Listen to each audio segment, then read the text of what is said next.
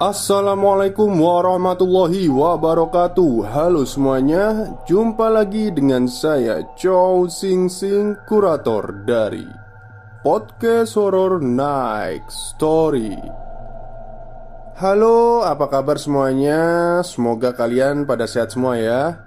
Dan seperti biasanya pada malam hari ini Saya kembali dan akan membawakan sebuah kisah mistis Untuk kalian semua Kisah mistis kali ini saya datangkan dari tweet Kaskus dari akunnya Mas Jayus Kristus.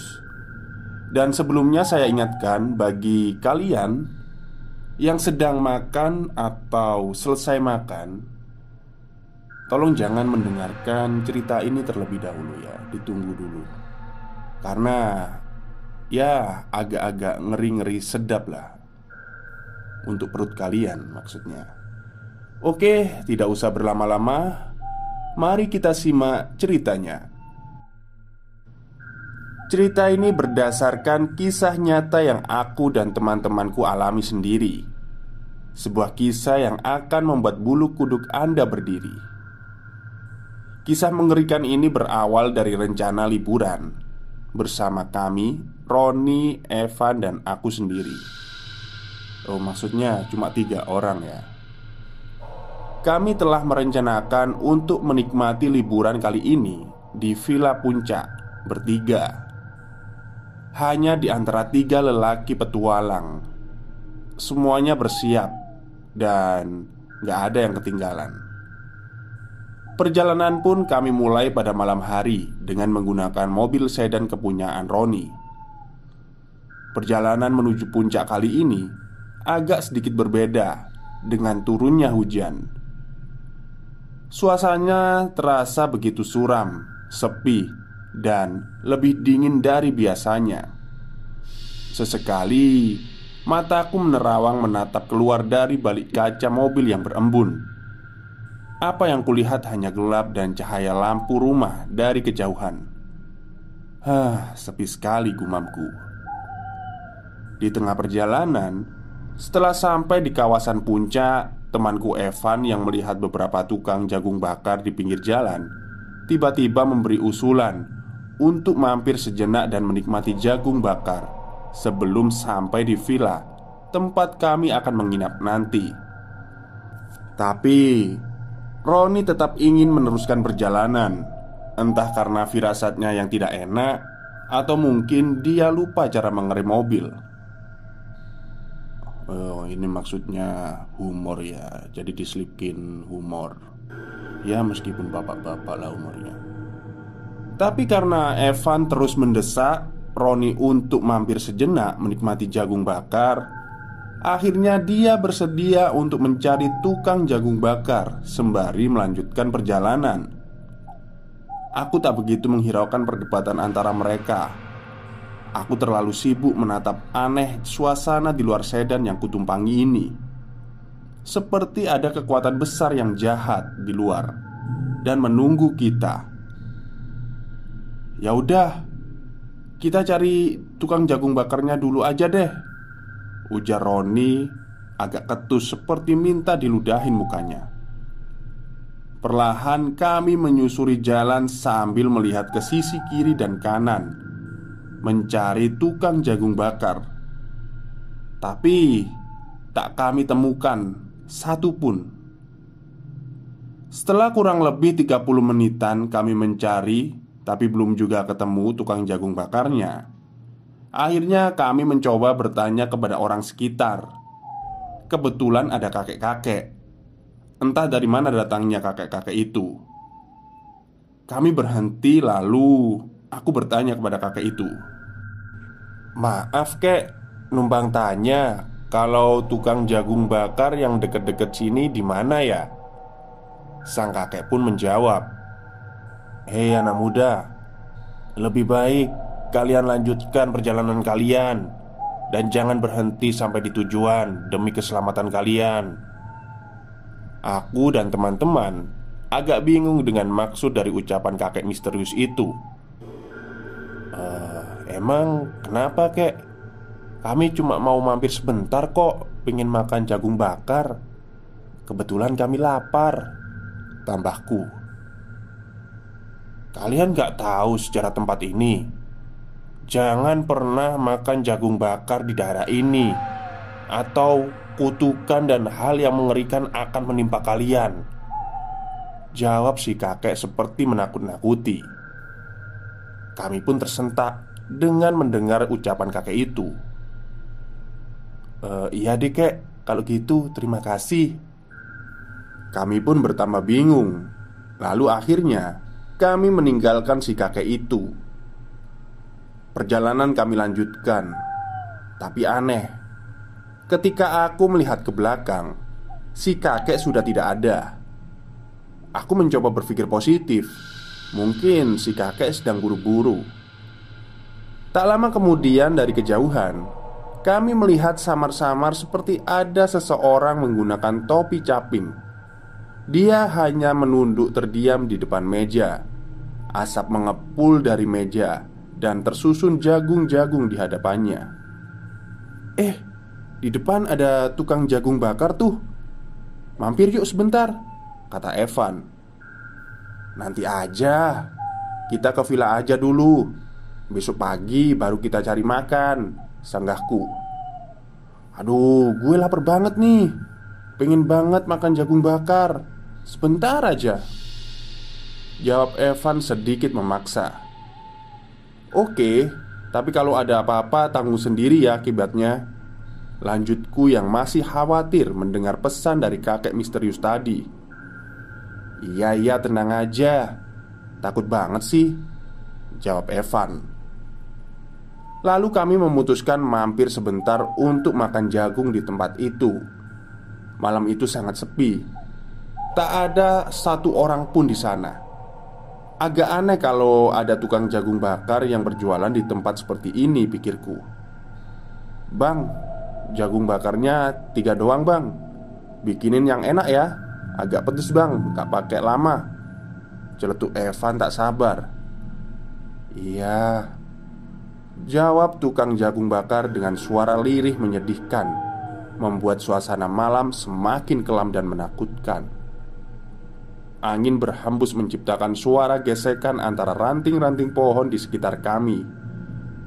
Awan mendung dan bulir embun yang jatuh menambah dingin dan angkernya tempat tersebut. Diam-diam, aku memperhatikan gerak-gerik abang tukang jagung bakar itu.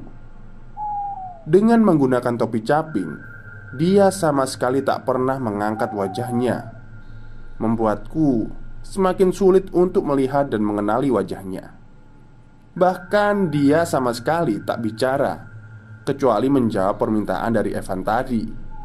Itu pun cuma satu kata. Jagung bakar sudah matang dan disajikan di satu piring plastik. Dengan sigap, Roni dan Evan melahap jagung bakarnya. Aku hanya terdiam melihat mereka. Rasa takut membuat nafsu makanku hilang. Lo nggak doyan jagung bakar ya Yus? Tanya Evan Enggak Van, lagi males makan Lo buruan deh makanya Terus kita cabut dari sini Jawab aku Iya Tapi jagung bakar lo buat gue ya. Kan gak lo makan. Saud Evan cengengesan Karena senang mendapatkan jatah jagung bakarku.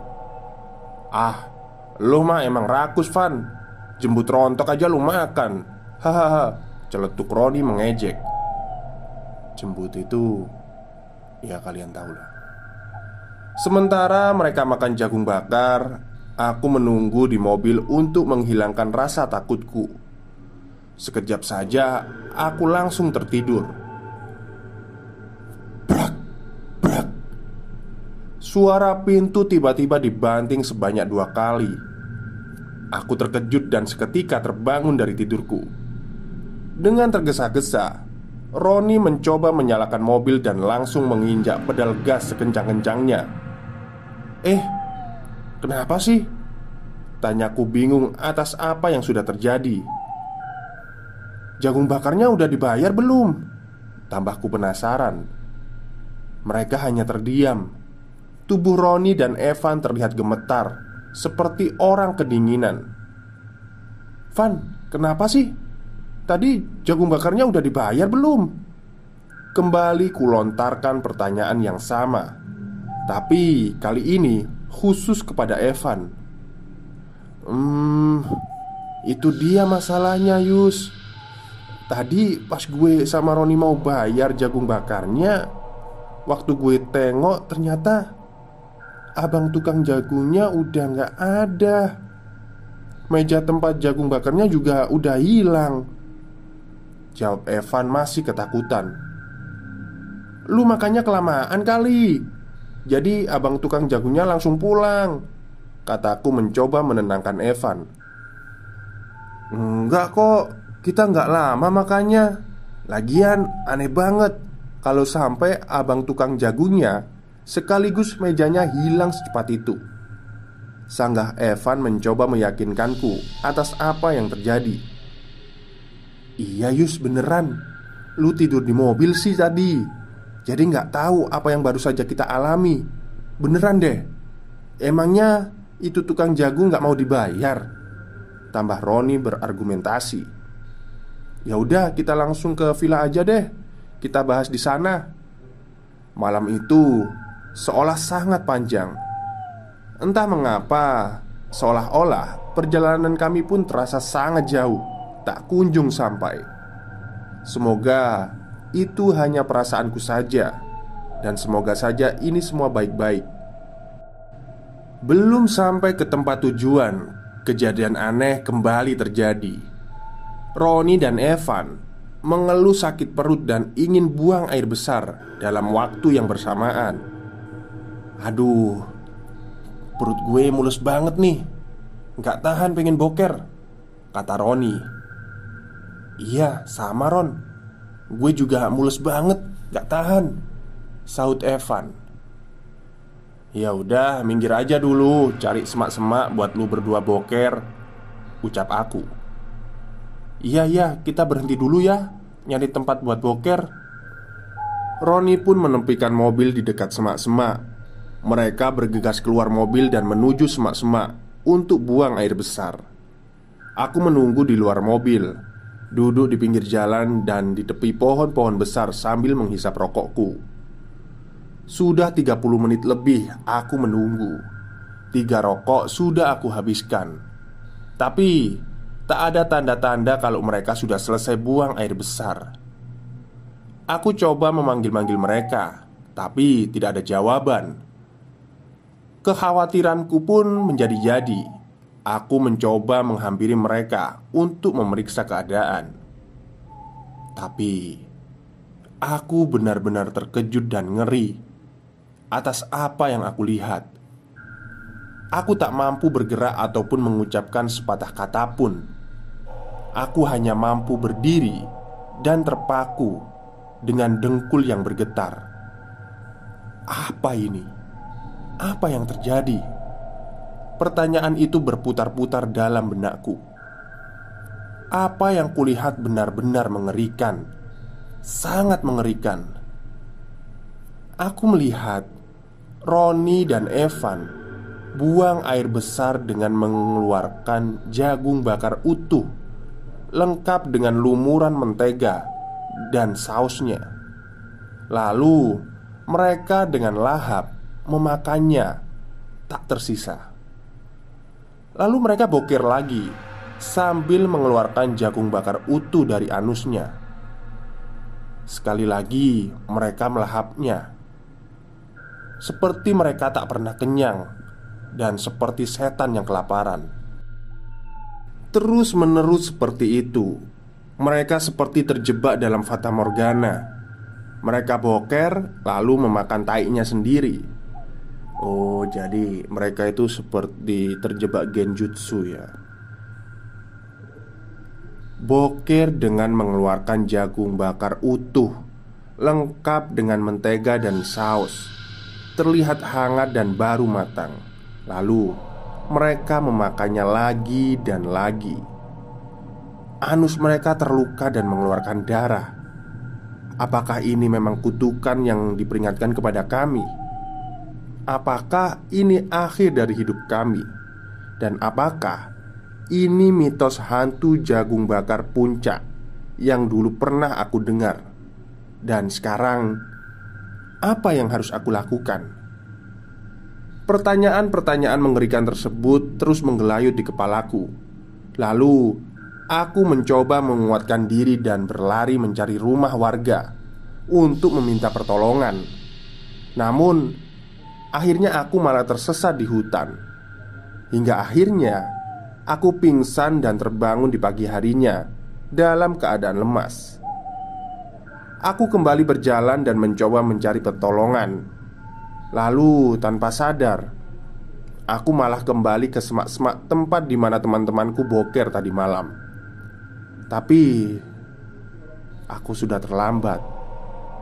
Aku menemukan kedua temanku itu sudah tewas dengan anus tersumbat jagung bakar dan berlumuran darah serta mulut berbusa dengan gigi terselip biji jagung bakar yang sedikit gosong.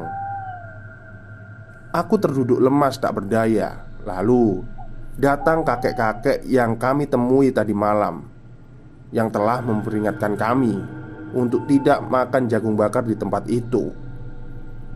Kakek tersebut membangunkanku dan berusaha menolongku.